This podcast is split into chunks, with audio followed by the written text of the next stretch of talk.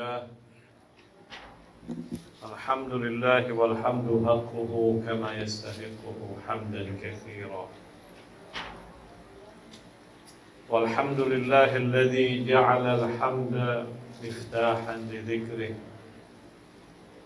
وسببا للمزيد من فضله ودليلا على آلائه وعظمته. أشهد أن لا إله إلا الله وحده لا شريك له. أحدا فردا صمدا لا ند له. وأشهد أن سيدنا محمدا عبده ورسوله. أرسله رحمة للعالمين بشيرا ونذيرا. وداعيا إلى الله بإذنه وسراجا اللهم فصل وسلم على سيدنا ونبينا وشفيعنا وقرة أعيننا سيدنا محمد. اللهم صل على محمد وآل محمد. اللهم صل على محمد وآل محمد. اللهم صل على محمد وآل محمد. المبعوث رحمة للعالمين وعلى آله الطيبين. وأصحابه الميامين المنتجبين ومن تبعه بإحسان إلى قيام يوم الدين. أيها المسلمون أوصيكم وإياي بتقوى الله. واعلموا أن التقوى دار حسن عزيز. والفجور والفجور دار حسن ذليل لا يمنع أهله ولا يحرز من لجأ إليه Sidang Jumat yang dimuliakan oleh Allah Pertama-tama marilah kita ucapkan puji dan syukur kita kepada Allah Subhanahu wa taala. Teriring salawat dan salam kita haturkan kepada kekasih kita, cahaya mata hati kita, junjungan kita Nabi besar Muhammad sallallahu alaihi wa alihi wasallam. Yang karena keberkahan beliau karena kasih sayang dan perhatian Rasul sallallahu alaihi wasallam semua umat ini kemudian mendapatkan segala karunia daripada Allah Subhanahu wa taala. Karena beliau kemudian kita mendapatkan tuntunan dalam hidup kita Karena beliau kemudian kita bisa mengenal Mana yang hak dan mana yang batil Ayuhal muslimun rahimakumullah Kita sekarang hidup di sebuah zaman yang penuh dengan fitnah dan ujian daripada Allah.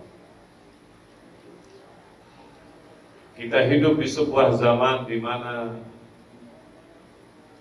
kaum muslimin di mana-mana sepertinya mendapatkan ujian daripada Allah. Mereka diadu domba satu dengan yang lainnya, mereka diprovokasi satu dengan yang lainnya. Yang kemudian melahirkan tidak sedikit dari konflik-konflik horizontal sesama kaum muslimin itu sendiri.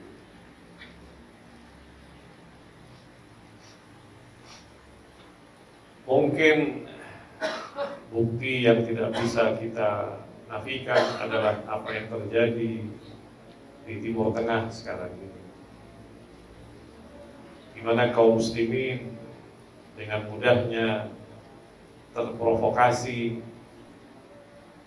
oleh berbagai macam fitnah dan berbagai macam provokasi-provokasi yang dilakukan oleh orang-orang non-muslim dan juga oleh kaum muslimin itu sendiri. Sehingga melahirkan peperangan yang tidak jarang merenggut ribuan bahkan puluhan ribu nyawa kaum muslimin. Yaman adalah salah satu contoh yang paling mudah untuk kita lihat. Demikian juga Syria, Libya, Irak, dan tempat-tempat yang lainnya. Dan yang paling banyak terprovokasi dan yang termakan dengan fitnah-fitnah itu adalah orang-orang awam yang mereka sebetulnya adalah mayoritas dari komunitas muslim yang ada di dunia ini. Kalau kita misalnya gambarkan seperti sebuah piramid, maka yang paling banyak adalah mereka yang ada di bawah. Dan itulah mayoritas orang-orang awam dari kalangan kaum muslimin. Yang mereka dengan mudahnya kemudian termakan oleh berbagai macam provokasi dan fitnah yang melahirkan perpecahan, perlumpahan darah dan seterusnya. Karena itu betapa pentingnya kita untuk benar-benar sadar akan permainan global untuk memprovokasi kaum muslimin di mana pun kita berada. Ayuhal muslimun rahimakumullah Fitnah-fitnah seumpama ini yang kemudian mengakibatkan banyaknya darah yang mengalir bukan hanya ada di zaman sekarang ini. Bahkan hal itu sudah ada sejak zaman pasca wafatnya Rasulullah Shallallahu Alaihi Wasallam. Pernah suatu hari seseorang bertanya kepada Al Imam Ali alaihissalam. Dia bilang, Ya Amirul Mukminin, akhbirna anil fitnah. Wahal sa'alta Rasulullah sallallahu alaihi wa alihi wasallam anha. Seorang bertanya kepada Imam Ali, Ya Amirul Mukminin, beritahukan kepada kami tentang fitnah. Apakah pernah engkau tanyakan itu kepada Rasulullah sallallahu alaihi wasallam? Kemudian Imam Ali alaihissalam berkata, "Lamma anzalallah subhanahu qawlahu alif lam mim nas an yutraku an yaqulu amanna wa hum la yuftanun." alimtu anna al-fitnata la tanzilu bina wa Rasulullah sallallahu alaihi wa alihi baina al-dhuhurina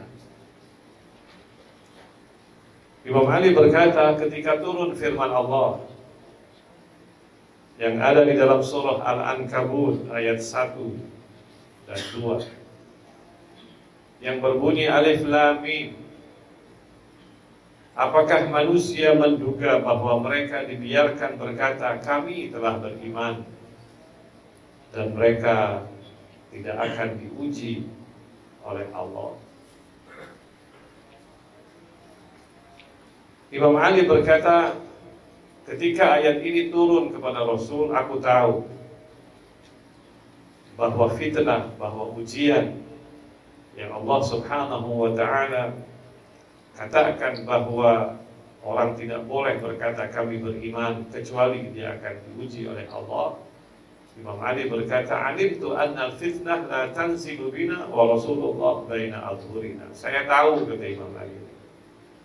Ujian ini, fitnah seperti ini, ujian ini tidak akan datang sementara Rasulullah masih ada bersama kita. Artinya Selagi Nabi Shallallahu Alaihi Wasallam ada, hidup bersama-sama kita, kata Imam Ali, ujian-ujian seperti itu tidak akan datang. Fitnah-fitnah seperti itu tidak akan lahir. Kapan akan datang fitnah itu? Setelah wafatnya Rasul Shallallahu Alaihi Wasallam. Lalu Imam Ali berkata, "Fakultu ya Rasulullah, ma hadhihi al-fitnah allati akhbaraka Allah Ta'ala biha?" Ya Rasulullah, fitnah seperti apa, ujian seperti apa yang Allah Subhanahu wa taala sampaikan kepadamu.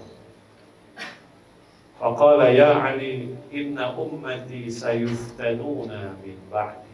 Ini harus kita kasih garis bawah.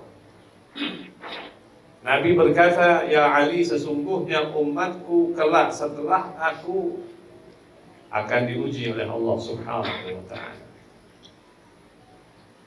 Inna ummati sayuftanuna min ba'di Setelah aku Umat ini Akan diuji oleh Allah subhanahu wa ta'ala Kata-kata Nabi setelah aku Tidak hanya menunjukkan pada zaman Segera setelah Rasul wafat Tetapi Sifatnya Lebih luas. Bahwa memang umat ini akan mengalami ujian yang besar, fitnah yang besar, yang akan menggetarkan sebagian jiwa dan hati orang-orang mukmin dan yang bahkan menyebabkan perpecahan di kalangan mereka. Dan itulah yang kita saksikan tidak lama setelah Rasul Shallallahu Alaihi Wasallam wafat. Kalau kita baca sejarah misalnya, kita sering kali bingung masa sih setelah Rasulullah wafat maka terjadi pertumpahan darah di kalangan kaum muslimin yang bahkan menyaksikan Rasul Shallallahu Alaihi Wasallam Ayuhal muslimun rahimakumullah Kita sering kali mendengar sebuah riwayat yang saya tidak melihatnya riwayat itu sahih. Tapi riwayat itu paling sering diulang-ulang oleh sebagian saudara kita kaum muslimin. Riwayat itu berkata bahwa khairul qurun qarni atau dalam riwayat lain khairun nas qarni. Jadi sebaik-baik kurun, sebaik-baik periode adalah periode aku katanya.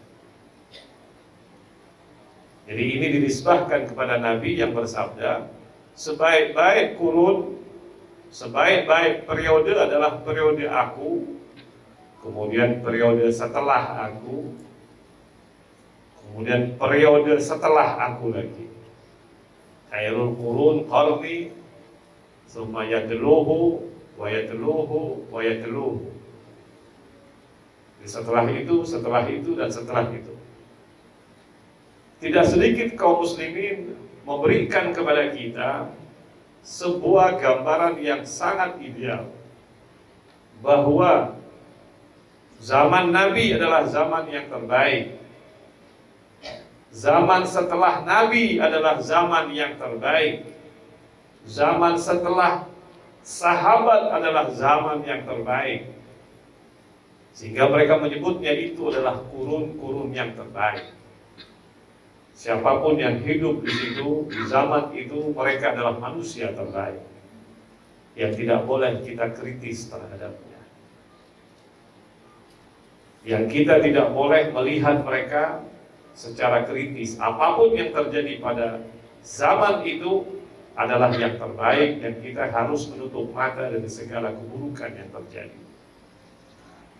Itu adalah doktrin yang sering kali disampaikan kepada kaum muslimin. Dan mereka menyebutnya periode itu adalah periode as-salafus saleh periode manusia-manusia saleh yang hidup pada zaman itu. Kalau Anda pernah mendengar yang namanya As-Salafiyah, Salafiyah itu sering kali merujuk kepada periode-periode seperti itu. Nah hadis ini yang saya melihatnya bukanlah sebuah hadis yang sahih. Karena matanya jelas-jelas bertentangan dengan fakta. Jelas-jelas bertentangan dengan realitas sejarah yang menyampaikan kepada kita bahwa pada periode itu terjadi fitnah-fitnah yang besar. Tidak lama setelah Rasulullah SAW wafat, terjadi perang sesama kaum muslimin. Perang yang paling besar terjadi namanya perang Jamal. Antara siapa? Antara Ummul, Ummul Mukminin Aisyah dengan khalifah yang berkuasa pada waktu itu Al-Imam Amirul Mukminin Ali bin Abi Thalib. Yang pada waktu itu tidak sedikit dari kalangan sahabat yang tewas dan yang terbunuh di antara yang terbunuh ada dua sahabat besar. Satu yang bernama Zubair, sepupunya Imam Ali. Dan juga Talha, sepupunya Siti Aisyah. Dan bahkan sejarah mencatat lebih daripada 40 ribu yang terbunuh dalam peperangan tersebut. Baik dari pasukan Imam Ali ataupun pasukan Aisyah dalam peperangan Jamal yang terjadi pada tahun 36 Hijriah. Artinya artinya 25 tahun lebih kurang lebih kurang 25 tahun setelah wafatnya Rasul Shallallahu Alaihi Wasallam. Belum lagi Peperangan setelahnya yang disebut dengan peperangan Siffin yang terjadi antara Ali dengan Muawiyah yang kemudian menyebabkan terbunuhnya ribuan di atas hampir 40 ribu juga antara dua pasukan Imam Ali dan pasukan Muawiyah. Apakah periode itu disebut sebagai periode yang terbaik? Apakah kurun itu disebut sebagai khairul kurun? Sebaik-baik periode, sebaik-baik kurun? Apalagi kalau kita masuk pada tahun 61 Hijriah. 50 tahun setelah wafatnya Rasulullah Sallallahu Alaihi Wasallam. Ketika Yazid berkuasa, yang pertama dia lakukan adalah membunuh Sayyidah Syababi Ahli Jannah Imam Hussein alaihissalam setelah itu dia mengepung kota Madinah dan membunuhi hampir 10 ribu kaum muslimin di kota Madinah. Hampir seribu hafid-hafid Quran dari kalangan sahabat yang dia bunuh dengan cara yang sangat keji. Lalu setelah itu Yazid memerintahkan pasukannya untuk pergi ke Mekah mengepung Abdullah bin Zubair yang pada waktu itu berkuasa di Mekah dan kemudian menyerang kota Mekah. Siapa pun yang bersembunyi di dalam Ka'bah dia bunuh, bahkan Ka'bah pun dia bakar. Apakah itu disebut sebagai khairul qurun? Ini yang saya katakan. Sebuah hadis yang dinisbahkan kepada Rasul. Hadis ini sangat masyhur kalau Anda mendengar hampir setiap ustaz, ustaz salafi, dia akan menyampaikan hadis ini. Karena dianggap inilah periode yang paling ideal. Inilah periode yang harus ditiru. Itulah periode yang harus kaum muslimin menirunya dan masuk ke dalam periode itu membangun khilafah dalam periode seperti ini. Dan sekali lagi ini adalah sesuatu yang sangat-sangat kita sayangkan betapa doktrin seperti ini ada dalam jiwa dan mentalitas kaum muslimin. Dan kalau kita merujuk kepada apa yang dikatakan oleh Rasul Shallallahu Alaihi Wasallam kepada Al Imam Ali, apa yang Imam Ali, apa yang Rasulullah katakan kepada Imam Ali? Beliau berkata, Ya Ali, inna ummati sayuftanuna min ba'di. Setelah aku, kata Rasulullah, umat ini akan diuji oleh Allah. Akan terjadi fitnah besar. Fitnatul kubro. Begitu ungkapan Taha Amin. Salah seorang penulis Mesir ketika dia menulis tentang fitnah-fitnah yang terjadi di zaman tidak jauh setelah wafatnya Rasul Shallallahu Alaihi Wasallam. Lalu saya sambungkan apa yang Imam Ali sebutkan dalam khutbahnya. Fakultu ya Rasulullah, awalaysa qad qulta li yawma Uhud, haitsu istushhida man istushhida minal muslimin, wa hizat anni syahada, fashaqqa dhalika alayya, fakulta li abshir fa inna syahadata min waraik. Imam Ali alaihi salam bertanya kepada Nabi sallallahu alaihi wa alihi wasallam Beliau berkata, "Ya Rasulullah, ketika dalam peperangan Uhud, sebuah peperangan yang paling menyayat hati menimpa Rasul Shallallahu Alaihi Wasallam. Sebuah peperangan yang menyebabkan pamannya Rasulullah yang bernama Sayyiduna Hamzah gugur dalam keadaan yang paling menyayat hati.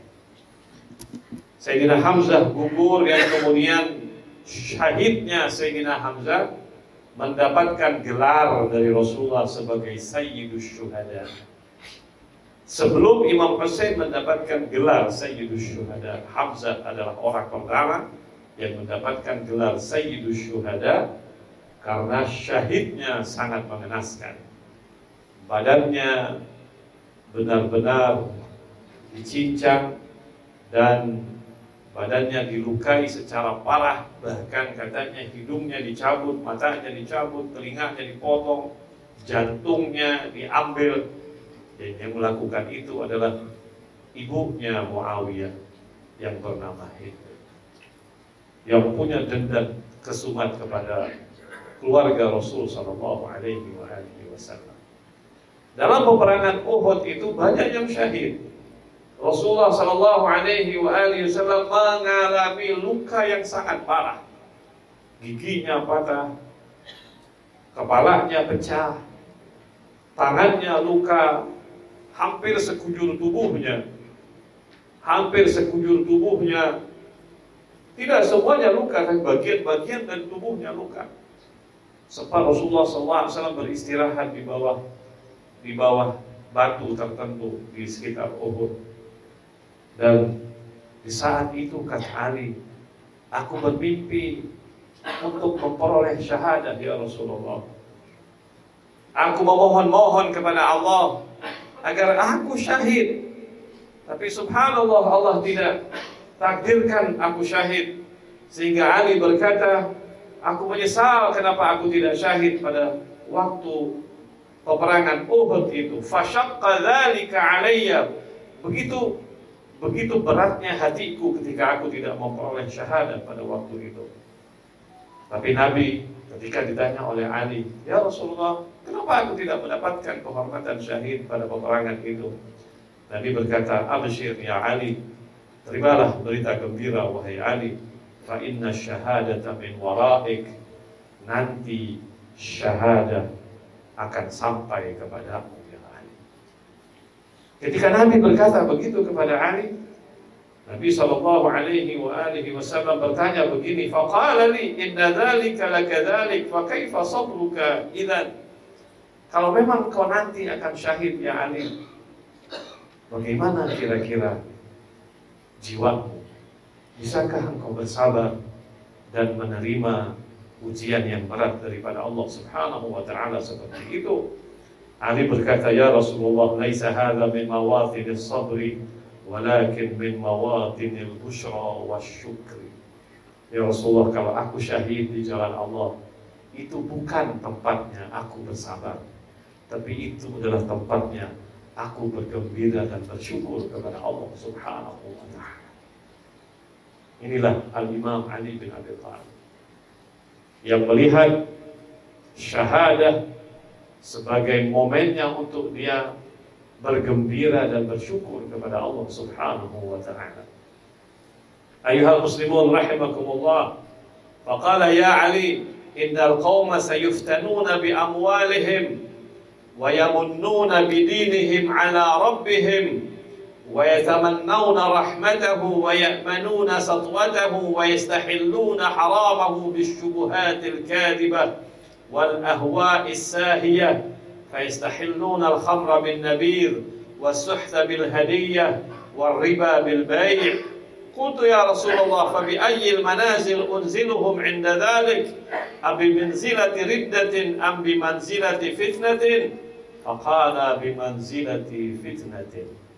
أيها المسلمون رحمكم الله. Saya ingin selesaikan apa yang dikatakan oleh Imam Ali dan sangat bagus untuk kita jadikan sebagai pelajaran.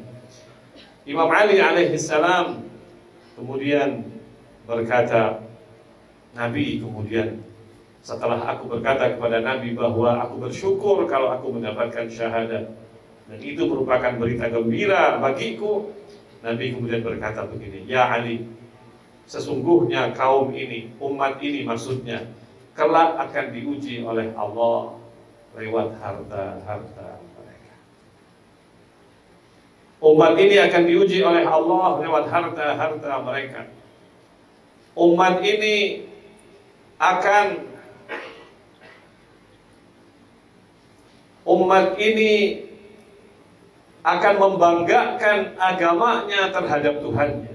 Maksudnya umat ini sepertinya akan mengatakan kepada Tuhannya, Aku sudah berkhidmat kepada agamamu ya Allah. Aku berjasa kepada agamamu ya Allah. Umat ini punya sifat nantinya punya sifat semacam takabur, seakan-akan mereka berjasa kepada Allah Subhanahu wa taala. Nabi menyebutnya ini salah satu fitnah. Ini salah satu ujian yang berat dalam diri setiap orang muslim ketika dia merasakan bahwa dia berjasa kepada Tuhannya. Ketika dia berkata bahwa bahwa dirinya sudah berjasa kepada agama ini, wa yatamannawna rahmatah. Mereka berharap rahmat dan kasih sayang Allah dan mereka merasa aman daripada azabnya Allah.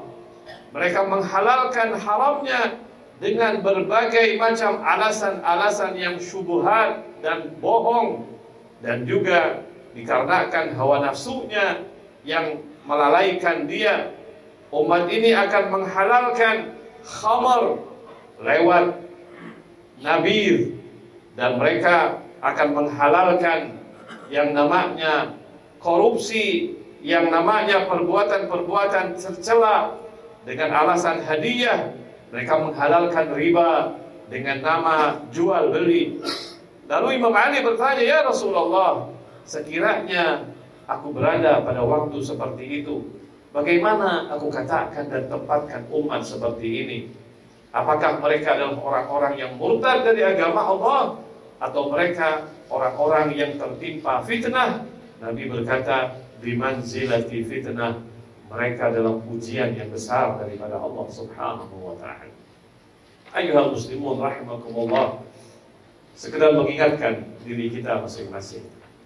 Betapa kita berada pada sebuah zaman yang tidak beda dengan zaman-zaman yang tadi saya sampaikan tidak lama setelah Rasul Shallallahu Alaihi Wasallam.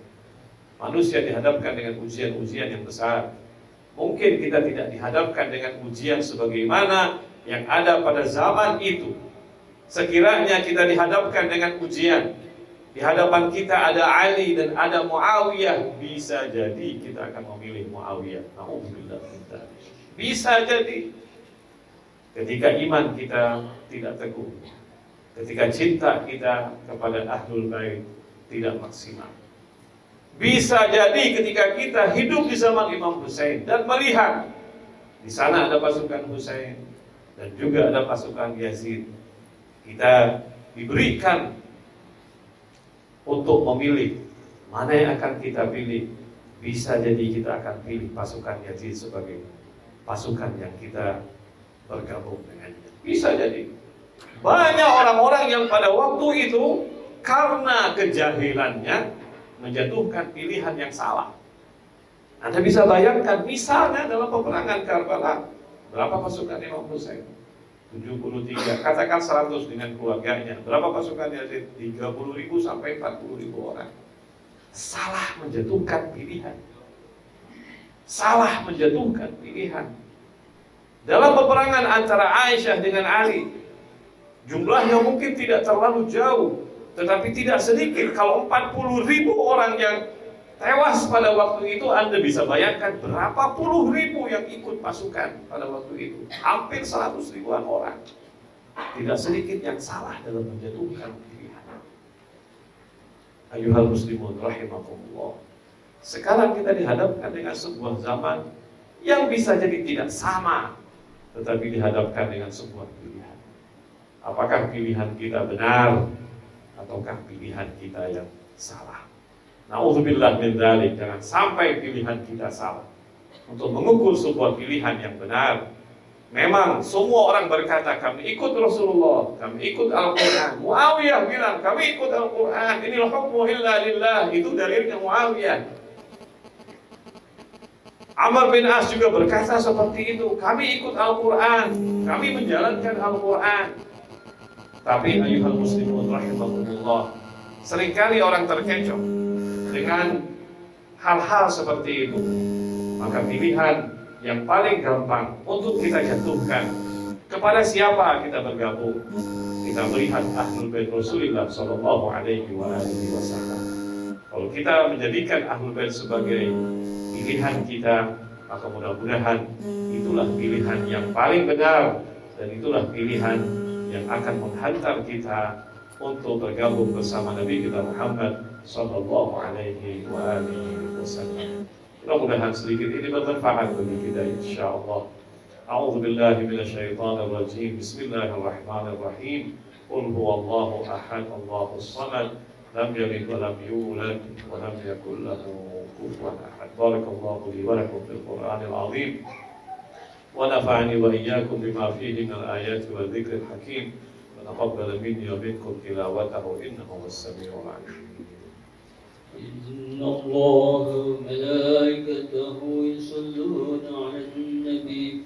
يا أيها الذين آمنوا صلوا عليه وسلموا تسليما.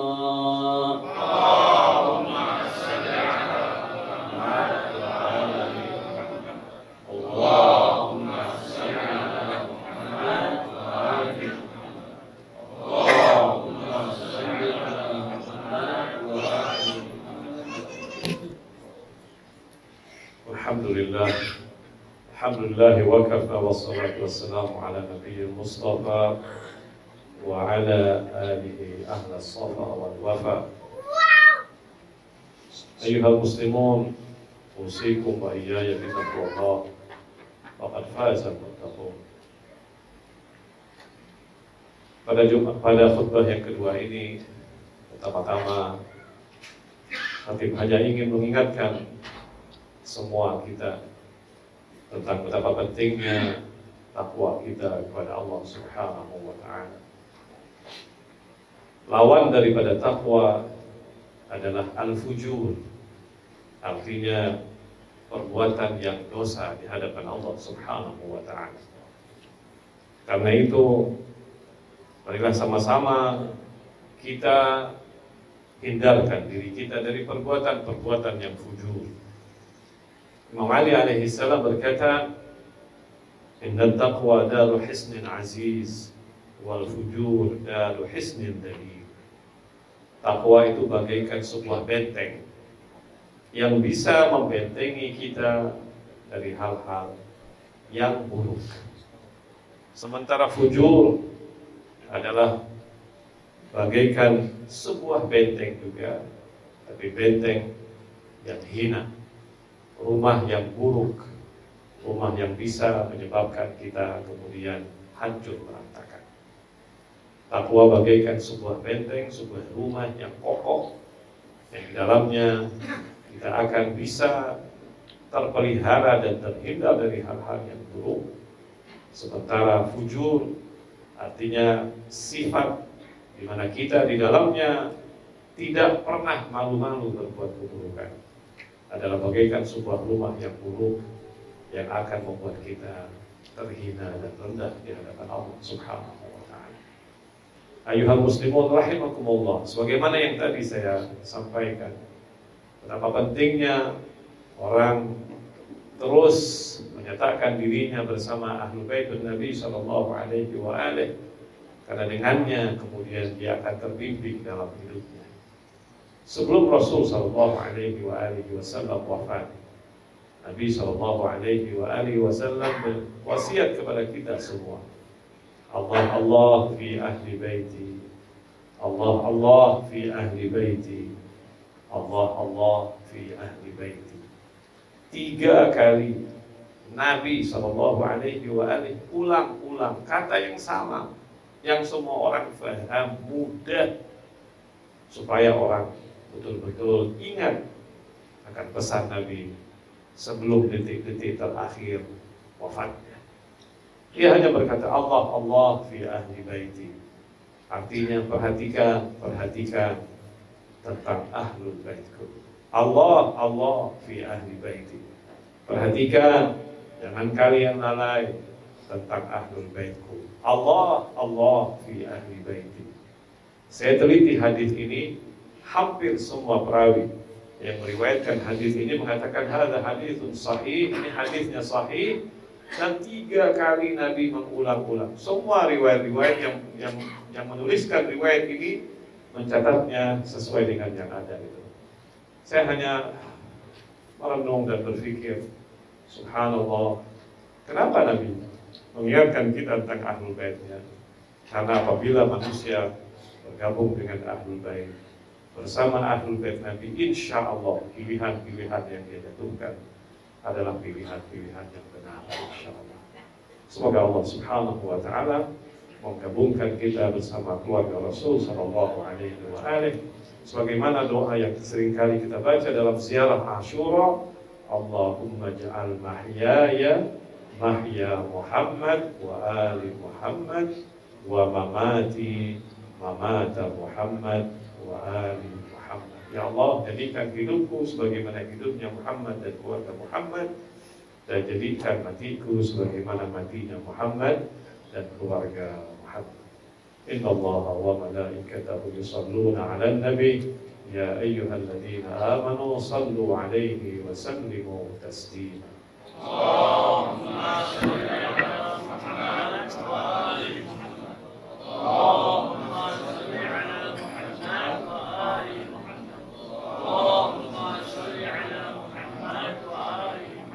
صل على سيدنا محمد وعلى آل سيدنا محمد. وصل على علي أمير المؤمنين. وصل على فاطمة الزهراء سيدة نساء العالمين. وصل وسلم على الحسن والحسين سيدي شباب أهل الجنة أجمعين. صل وسلم على الإمام علي بن الحسين زين العابدين ومحمد بن علي الباقر وجعفر بن محمد الصادق وموسى بن جعفر الكاظم وعلي بن موسى الرضا ومحمد بن علي الجواد وعلي بن محمد الهادي والحسن بن علي السلكي العسكري. ثم الصلاة والسلام على الحجة بن الحسن الإمام المهدي المنتظر عجل الله تعالى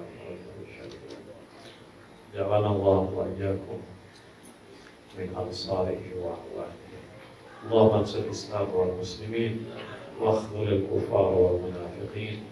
اللهم أيد المجاهدين في سبيلك في مشارق الأرض ومغاربها. اللهم ارحم موتانا. اللهم ارحم موتانا. اللهم ارحم موتانا واغفر والدينا اللهم اشف مرضانا. اللهم احفظ قائدنا. اللهم احفظ مراجعنا وعلماءنا. اللهم احفظ اساتذتنا اللهم أنت أعلم مما نعلم فاعطنا خيرا ما تعلم. برحمتك يا أرحم الراحمين. صلى الله على سيدنا محمد وآله وسلم. والحمد لله رب العالمين. السلام عليكم ورحمة الله وبركاته.